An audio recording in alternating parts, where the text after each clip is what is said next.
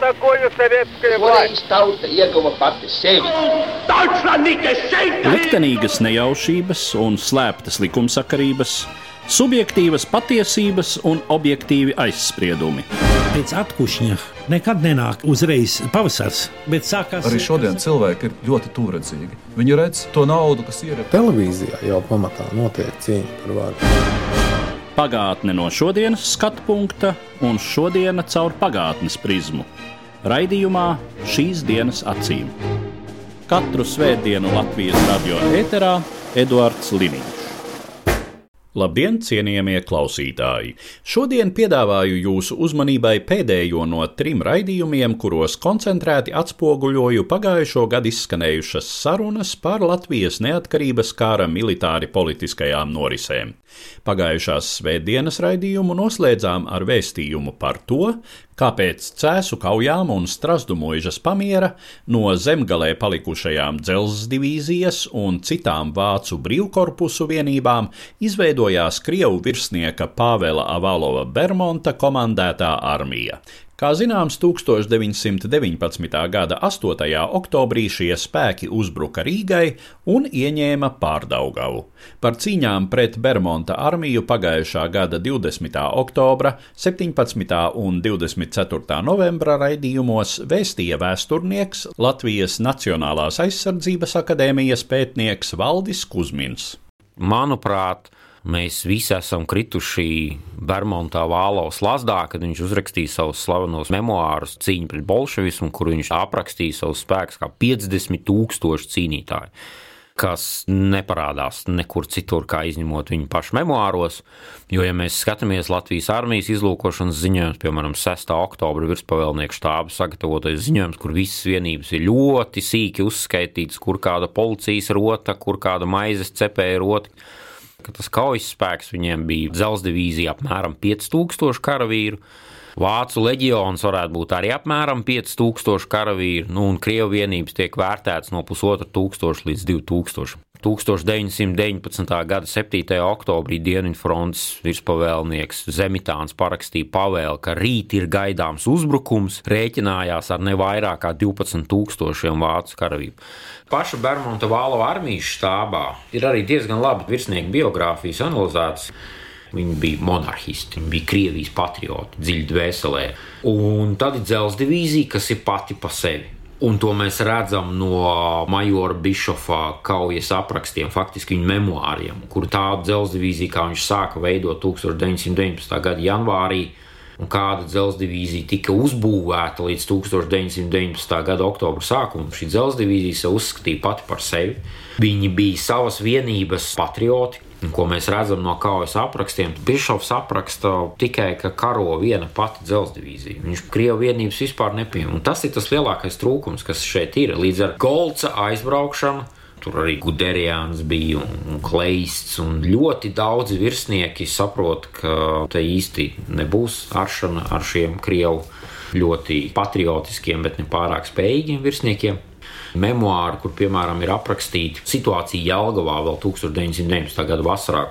Pretizlūkošanas virsnieki Krievijas tautības tiek apvainoti zādzībās, un vienā brīdī pat tiek noslapkavot divi vācu virsnieki, kas mēģināja izmeklēt. Tur notiek vesela krimināla drāma, un starp vācu un krievu virsniekiem šī attieksme vienam pret otru nebija spīdoša. Šeit bija jābūt harizmātiskam, talantīgam komandierim, kāds bija Fondergolds un Pāvils Bermans Vāls tāds vienkārši nebija. Un, ja mēs skatāmies uz šo uzbrukumu plānu, tad savā ziņā viņš varētu būt no vienas puses avantūra, no otras puses, ja Pāvela Bermonta armija būtu ieņēmusi Rīgu, bet visu Rīgu, ne tikai pārdaugavu, tad rietumu sabiedrotiem nekas neatlikt, kā rēķināties ar šo spēku un sākt ar viņiem runāt. Es neesmu redzējis nevienu dokumentu vai atmiņas, kur būtu tālāk par pārdaugaus ieņemšanu. Ko mēs darām tālāk? Kāds ir tas gala mērķis? Latvijas armija sāka veidot trīs divīzijas, un Rīgas apkārtnē formējās trešā Latgales divīzija no trijiem kājnieku pulkiem - 7. Sigūds, 8. Daugopils, 9. Rēzeknis. Bet, ja mēs skatāmies uz šīm kaujām tālāk, tad redzams tāds godīgs, sirsnīgs, kārtīgs latviešu bardaks. Viņi zināja, ka Rietumkrievijas armija uzbruks. Uzbrukums nebija pārsteidzošs nekādā veidā un formā. Ja mēs runājam par to spēku samēru, tad Dienvidfrontes pavēlnieku rīcībā arī apmēram bija 12,000 karavīru. Un 8. oktobra un 9. oktobra kaujas pārdagavā ir tāds labs piemērs no tāda divīzijas operacionālā vadības līmeņa, kā to nevajag darīt. Pats Pēniņš, piemēram, pēc tam apraksta, ka Dienvidfrontes komandieru vietnieks Pūkvits Miglovs ierodās Šmita eļas fabrikā viens ar vēl vienu virsnieku, un tas bija viņa štābs, divi cilvēki. Jau 16. gadsimtā tā karaspēka vienības nevadīja 10 000 plus karaspēka vienības. Nekas labs tur nevarēja sanākt. Nebija skaidrs, kur atrodas savas vienības, nebija skaidrs, kur atrodas ienaidnieki vienības. Var lasīt 6. Rīgas kājnieku pulka 3. bataljona rotu komandieru ziņojumu pēc kaujas, kur, piemēram, 10. rotas komandieris raksta, ka 11. rotas komandieris aizbēga no kaujas lauka, savukārt 11. rotas komandieris raksta, ka 10. rotas komandieris aizbēga no kaujas lauka. Kā zināms, Zemitāns dod pavēli atkāpt atkāpties līdz pozīcijām aiz Rīgas, tātad uh, Juglas līnijā, kas tomēr tā nenotiek, un uh, fronte gal galā paliek pie Daugaus tiltiem pa vidu Rīgai. Ir apraksts gan sastāvīgas kājnieku pulku vēsturē, gan oriģināla materiālos, kā virsnieki naktī no 9. uz 10. oktobri nejauši satiekas Vejas Miglaus tilta galā pāris vīri, Un sarunas rezultātā konstatē, ka tur īsti nevajadzētu atkāpties. Tu lasi cauri šiem dokumentiem un saproti, ka tā tam nevajadzētu notikt. Bija rotu komandieri, kas ņēma iniciatīvu savās rokās. Tie bija virsnieki ar milzīgu kaujas pieredzi no Pirmā pasaules kara. Bija instruktora milzīga kaujas pieredze, tur kaprāļi, seržanti, kas bija sākuši karot 1914. gadā, saņēmuši visus iedomājamos apbalvojumus un ievainojumus. Viņi šādā situācijā jau bija bijuši, kur neviens nezina, kas notiek, kur ir atkāpšanās, kur ir hauss. Mēs varam lasīt Krievijas armijas dalību Pirmajā pasaules karā 14. un 15. gads. Viss jau bija redzams. Ņēma iniciatīvu savās rokās, darīja, kā uzskatīja par nepieciešamu, cēlās pāri Daugovai ar līkumu gājas torņkalnu, lai iesaistītos atkal kā jau šeit neskaitām piemēri ka tiek pieņemts lēmums. Un Zemitāns, kad izdeva šo pavēlu, viņš vienkārši nezināja, kas notiek. Un viņa lēmums bija vienkārši atkāpjamies tur, kur mēs varam turēties, jūglas pozīcijas. Šo lēmumu atcēla armijas virspavēlnieks Dārvids Simonsons. Un ir jautājums, kas man personīgi nav skaidrs, uz kā pamata viņš atcēla šo pavēli. Es domāju, ka tā pavēles atcelšana arī bija balstīta uz pieredzi, kā rīkoties šādā situācijā, kur savukārt tas bija tāds apzināts risks ko var redzēt arī no dokumentiem, ir tas, ka jau 11. oktobrī Bērmonta vadība un arī dzelzdivīzijas vadība ir norūpējusies par to, kas notiek tālāk gar Daugavas upi austrumu virzienā.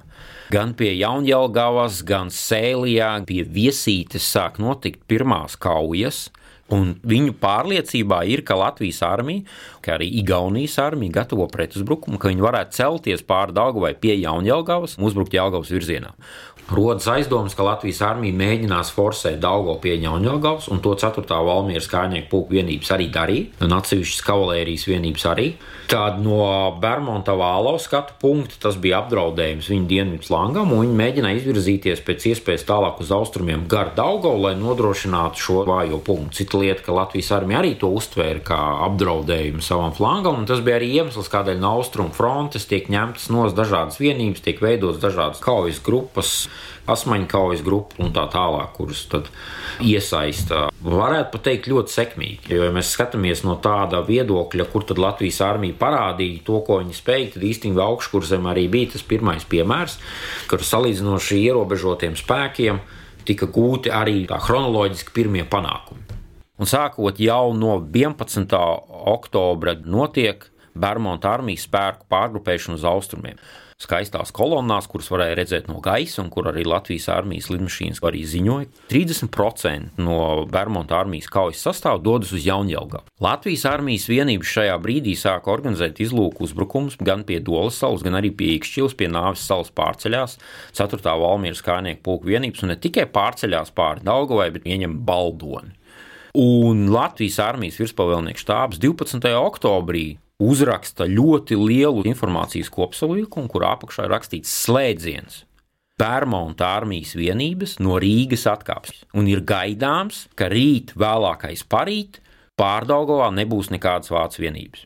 Un tad, kad tika nomainīts Dienvidu frontes virspavēlnieks Zemitāna atceļ viņu vietā ieceļ pulkvedi Mārtiņu Peniķi, kad 13. oktobrī tiek parakstīta Dienvidu frontes pavēle, tur melns uz balta ir uzrakstīts. Pretinieks no pārdaugavas atkāpjas, ir atstājis dažas sedzēju vienības, un armijas virspavēlnieks cer, un vārds cer, es gribētu vērst uzmanību, tas, kas militārā pavēlē ir pilnīgi nepieņemams ka Rīga tuvākajā laikā tiks pilnīgi atstāta, tālāk sako uzdevumu vienībām, kur tiek paredzēts uzbrukt 14.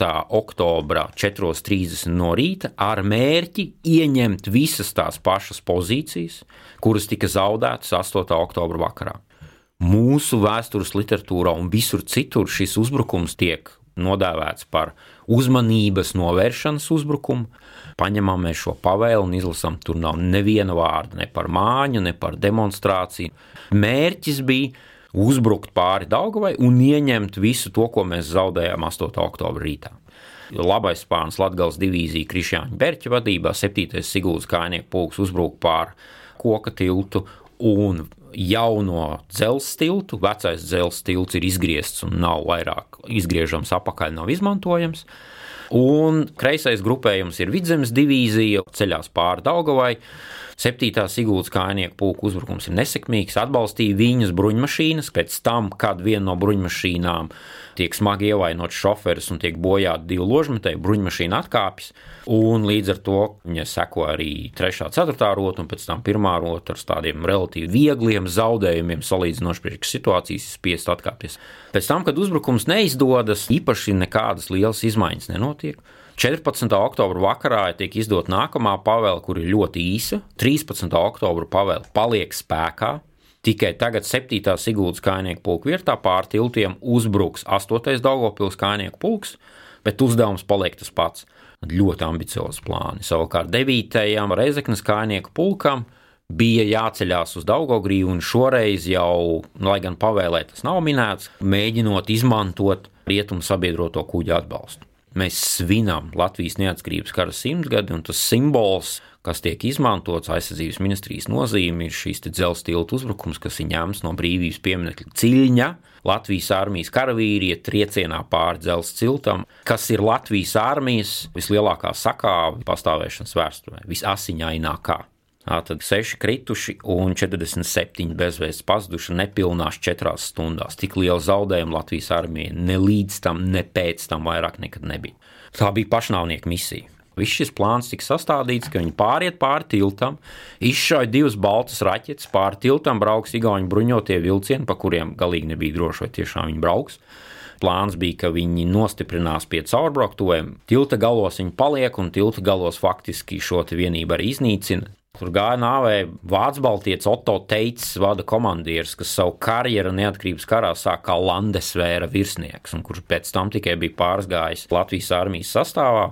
Un iespējams, ka viņa vadā arī bija, piemēram, Ādams Krievs, kurš bija padomju Latvijas armijas karavīrs līdz 22. maijam, un tagad šie divi ienaidnieki kopā plec pie pleca dodas pilnīgi drošā nāvē, zinot, ka te kaut kas nav īsti kārtībā. Daugaugrības desanta operācija savukārt bija tāda, manuprāt, ļoti labi izplānota. Un galvenais pienesums, ka ja mēs runājam, kāpēc mums izdevās Bermontu uzvarēt, un 11. novembris pienāca tad, kad viņš pienāca, ir rietumu sabiedrotie kuģi kas bija noteicošais faktors, kāpēc mēs Daugaugrības cietoksni ieņemam. Desanta operācija īstenoja izmantojot Rīgas ostas velkonišus, mazos kuģīšus, un 15. oktobra rītā tika dot pavēle ka kuģi atklās uguni. Latvijas armijas vadība īsti nebija informēta, būs vai nebūs. Un to, ka būs, viņi uzzināja pilnīgi droši stundu pirms apšaudas sākuma. 13. oktobrī Rietumu sabiedroto misija iesniedz ultimātu Bermontam, kurā viņi teica, ka 48 stundu laikā līdz 15. oktobra pusdienas laikam ir jāatvelk spēki no Daugaugrības. Ja jūs to nedarīsiet, mēs rezervējam savu tiesības darīt, kā mēs uzskatām par vajadzīgu. Divas dienas Latvijas armijas vadība ietekmēja Rietumu sabiedrotos, ka tas, ko īstenībā viņi uzskata darīt par vajadzīgu, ir apšaudīt šo Daugaugrības cietoksni. Uz tā arī tiek balstīta visa desanta operācija, kuru īstenoja 8. Daugaugrības pilskainieku pulka 1. bataljons un 8. rota, ko vadīja pats pulka komandieris Ludvigs Bolšteins. Rietumu sabiedroto kara kuģu uguns jauda bija apmēram desmit reizes lielāka nekā visā Latvijas armijas kopā ņemot. Visi tie, kas bija gatavi pretoties, ātri pārdomāja, un 15.37. sabiedroto kuģi dienas grāmatā ir ierakstīts, ka Daugaugrības cietoksnis ir ieņemts, tur tika saņemta gūstā Krievu karavīri, kur bija svēti pārliecināti, ka viņi cīņā pret bolševikiem. Daugaugrīva tiek ieņemta, uz turien tiek pārviests 8. Daugavpils kājnieku pulks 7. Sigulds, un šī koncentrācija sāks, bet tas kopējais plāns tiek pieņemts un kā šis bardaks mazinās, un šajā gadījumā šim faktoram ir arī vārds uz vārds. Pēters Radziņš, tajā brīdī pūkvedis vēlākais ģenerālis, kurš 27. oktobrī tiek iecelts par armijas virspavēlnieku štābu priekšnieku. Un paiet atpakaļ, mums jāpiemina arī, ka Dārvids Simonsons tiek nomainīts un par Latvijas armijas komandieru kļūst ģenerālis Jānis Balodis. Pēters Radziņš bija ļoti pieredzējis štāba virsnieks, kaut vai kā pavēles izskatās, kas tur tiek rakstīts, tas būtiski atšķirās no tām pavēlēm, kuras Latvijas armijas vienības saņēma vēl divas nedēļas atpakaļ. Ja mēs skatāmies tālāk, arī Jālgavas atbrīvošana, arī Latvijas atbrīvošana, tur, kur armijas štāvs bija iesaistīts, mēs redzam šādu pārliecinošu karaspēku vadību ar tiem vadīšanas līdzekļiem, kādi viņiem bija pieejami. Tātad Latvijas armijas plāns jāizmanto tas panākums, kas bija sasniegts oktobra vidū. Tātad mums ir iegūts placdarms, jeb priekštilta pozīcija Daugavas upes kreisajā krastā, Daugogrības cietoksnis un Bolderāja. Izdevās pavirzīties vairākus kilometrus rietumu virzienā līdz tai vietai, kas tagad ir pazīstama kā Bumbu kalniņš. Man ļoti patīk salīdzināt šī slavenā latviešu tautas dziesmu, visapkārt smilšu kalnu un pati Rīga ūdenī. Šajā gadījumā tas ir burtisks kaujas lauka raksturojums. Ir ieņemta šī lielā buļbuļsaktas kāpa. Mūsdienās mums viņa grūti novērtēt. 1919. gada oktobrī tā bija smilšu kāpa vispār nekādu koku tur nav. Ir mazas, mazas eglītes, spriedītes, kā mēs pazīstam jūrmālas kāpu, tikai trīs reizes augstāk, no kuras ir redzami Rīgas baznīcas torņi. Līdz viņiem ir vairāk nekā 10 km no turienes. Un no šīs kāpas uz dienvidiem ir apmēram 2 līdz 3 km plašas, aplūstošas pļavas. Šīm pļavām pa vidu tek Hapaka grāvis, kurš mūsdienās arī ir un karavīri no šīs kāpas redz trīs kilometrus uz nākamo kāpu. Jebkurš cilvēks, kas parādās šajā palienā un mēģina pārbrist pāri, viņš kļūst par dzīvu mērķi. Un tas, ko Pēters Radziņš iekļaus šajā plānā, ja reiz mums ir šī kāpa, mums uzbrukam pa šo kāpu un uzbrukam nevis pa taisno uz Rīgu, jo tam mums būtu jāšķērso šī paliena Bet mēs uzbrukām gar buļbuļsakti, vīķu kroga virzienā, tas sanāk dienvidu rietumu virzienā, un mēģinām apiet šīs lielās pļavas, gan rīz līdz Babītas stacijai, ielenkt Rīgu no rietumiem. Un kas ir svarīgi, gan Pirmajā pasaules karā, gan arī neatkarības karā tā ideja, ka varētu karot apdzīvotā vietā, faktiski nebija. Un to mēs redzam arī no oktobra kaujas sākuma, ka bija ļoti sarežģīti vadīt karaspēku šādā situācijā. Un ielu cīņas ir lieta, no kura visas karojošās armijas gribēja izvairīties. Līdz ar to tas plāns ir mēģināt sasniegt ar tādu lielu līkumu, ejot no Daugaugurijas līdz Babītas stacijai, tālāk Šampēteru virzienā, sasniegt Jelgavas šoseju, šādā veidā piespiest Bermonta Vālova armijas tās daļas, kas atradās Rīgā, vai nu atkāpties, vai nu eventuāli viņas nonāk ielākumā. Otra svarīga lieta, kādēļ uzbrukums tika veikts no Daugaugrijas, bija rietumu sabiedroto flotes uguns atbalsts. Viņš bija ļoti efektīvs 15. oktobrī un ideja bija izmantot šo atbalstu pēc iespējas labāk. Riskantā lieta šajā plānā bija tāda, ka viņš bija, varētu teikt, pašsaprotams. Arī pretinieks varētu apstīties uz karti, apstīties uz apvidu, uzkāpt šajā kāpā un konstatēt, ka daudz jau variantu šeit nav. Bet šajā gadījumā, kas nostrādāja Bermons Vālaus, tas, ka viņš sev piešķīra pūkušu dienas pakāpes, nenozīmē, ka viņš iegūta pūkušu spējas. Un skaidrs, ka tā koordinācija starp Vācu leģionu, dzelzceļa Krievijas vienībām un visām pārējām, nu, teiksim, tā loģistika, sakara, informācijas piegāde un nogāde ļoti stipri kliboja. Bišofa memoāros, dzelzceļa divīzijas komandieru memoāros neredz vispār nekādu nojausmu, ka Rietumkrievijas brīvprātīgo armiju reāli gatavotos Latvijas armijas uzbrukumam.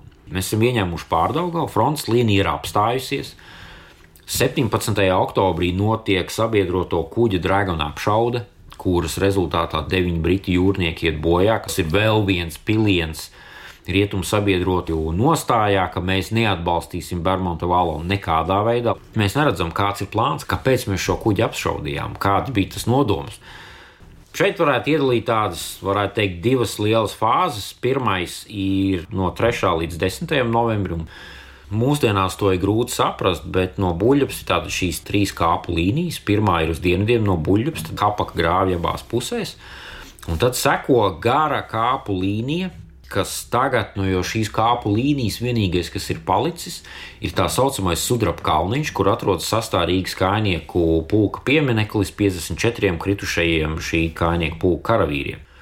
Un šī tāda gara kāpa faktiski sākas no Daugos, kur ķīpselas ziemeļu galā kādreiz atradās cementa fabrika. Tā bija liela būve. No šīs ēkas jumtiem augšējiem stāviem varēja kontrolēt visu šo aplūstošo pļauju. Un tad šī kāpa tādā virzienā uz dienvidu rietumiem iet tur, kur tagad atrodas Zolitūdas stacija, cauri visai imantei abās pusēs šai lielajai kāpai bija purvs, šī vārda burtiskā nozīmē.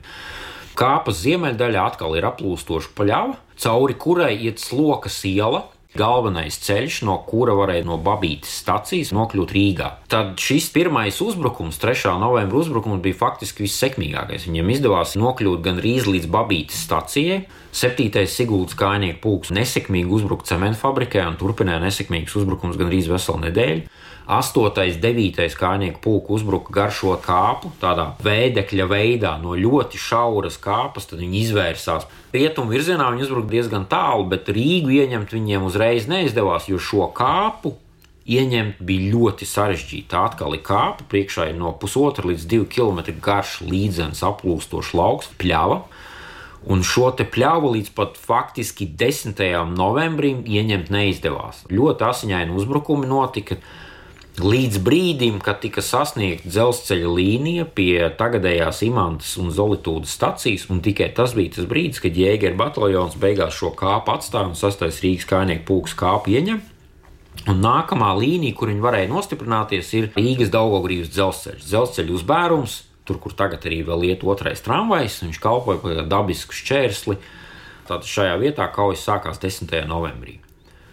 Un no 10. novembra, faktiski no rīta līdz 11. novembra vakaram, sākas, kā jau minēju, tas, no kā visi karadavoņi gribēja izvairīties, sākās haotiskas ielu cīņas.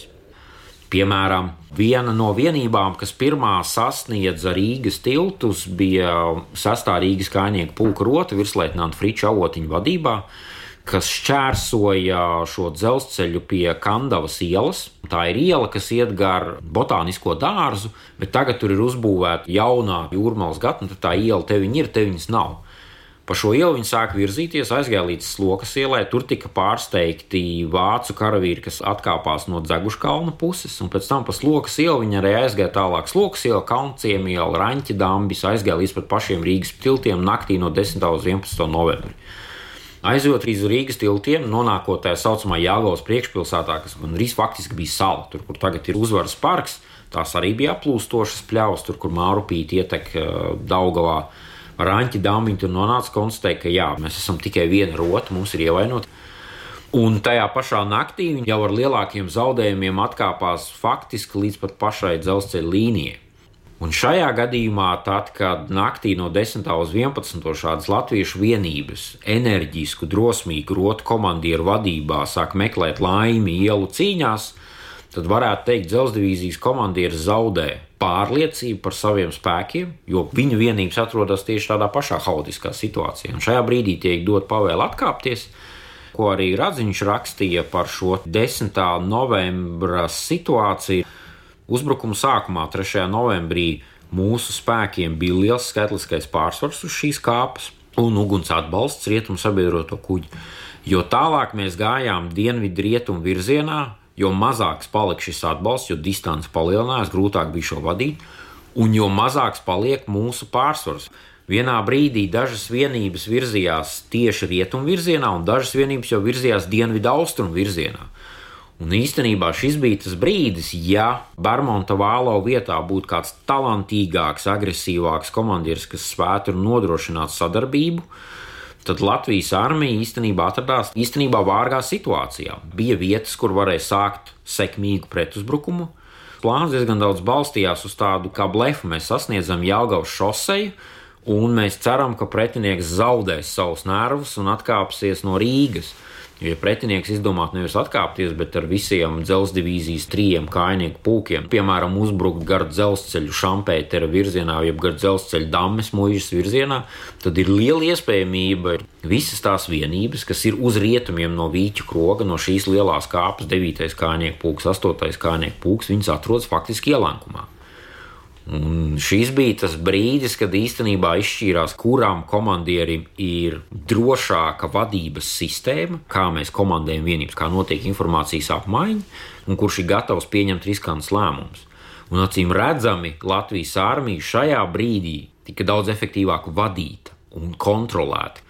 Dzēles divīzijā šajā brīdī vienkārši sapakoja koferus un devās Jālgavas virzienā. Latvijas armijas vadībai līdz pat 11. novembrā vakaram tā nojausma bija diezgan nosacīta, kas īstenībā notiek. Un īstenībā, ja mēs lasām arī atmiņas, tad 11. novembra vakarā, kad sāk skanēt baznīcu zvani gan vienā Daugos krastā, gan otrā Daugos krastā, tas īstenībā ir tas brīdis, kad visi saprot, jā, mēs esam Rīgu atbrīvojuši latviešu kājnieku pulki, un šajā brīdī mēs jau runājam ne tikai par Latvijas divīziju pastiprināto, šeit mēs runājam arī par 4. valmieras kājnieku pulku, par atsevišķām no austrumu frontes noņemtiem bataljoniem, kas jau virzās gar Jēkabpils Jelgavas dzelzceļa līniju rietumu virzienā. Šajā brīdī jau iniciatīva Latvijas armijas pusē fronts līnija apstājas Jelgavas pievārtē un sākas kaujas par Jālgaunu. Tas bija galvenais Rietumkrievijas armijas atbalsta punkts no loģistikas viedokļa. Tātad dzelzceļa līnija, kas iet no Jālgaunas šauļiem tālāk uz Vāciju. No Pētera Radziņa skatu punktu, ko viņš arī raksta savos memoāros, ka šis bija tas brīdis, kad mums vairs nebija laika izstrādāt jaunu plānu, kurā mums būtu atkal spēka koncentrācija vienā konkrētā vietā ka faktiski mēs sekojam pretiniekam tajos uzbrukuma sektoros, kādi ir noteikti, turpinām virzīties Jālgavas virzienā. Mēs neveidojam tādu smakpunktu, bet mēs ceram, ka pretiniekam, nedodot iespēju kaut kur aizķerties un pārgrupēties, mums izdosies viņu izdzīt no Latvijas teritorijas. Runājot par Bermudas noslēgumu, kas ir novembra otrā puse, līdz ar to brīdi, kad ģenerālis Eberhards stājas amatā un Bermuds šo amatu jau ir pametis, tad uh, ir skaidrs, ka arī nav vairs nekādas vēlēšanās atstāt šeit vācu spēkus Latvijas teritorijā.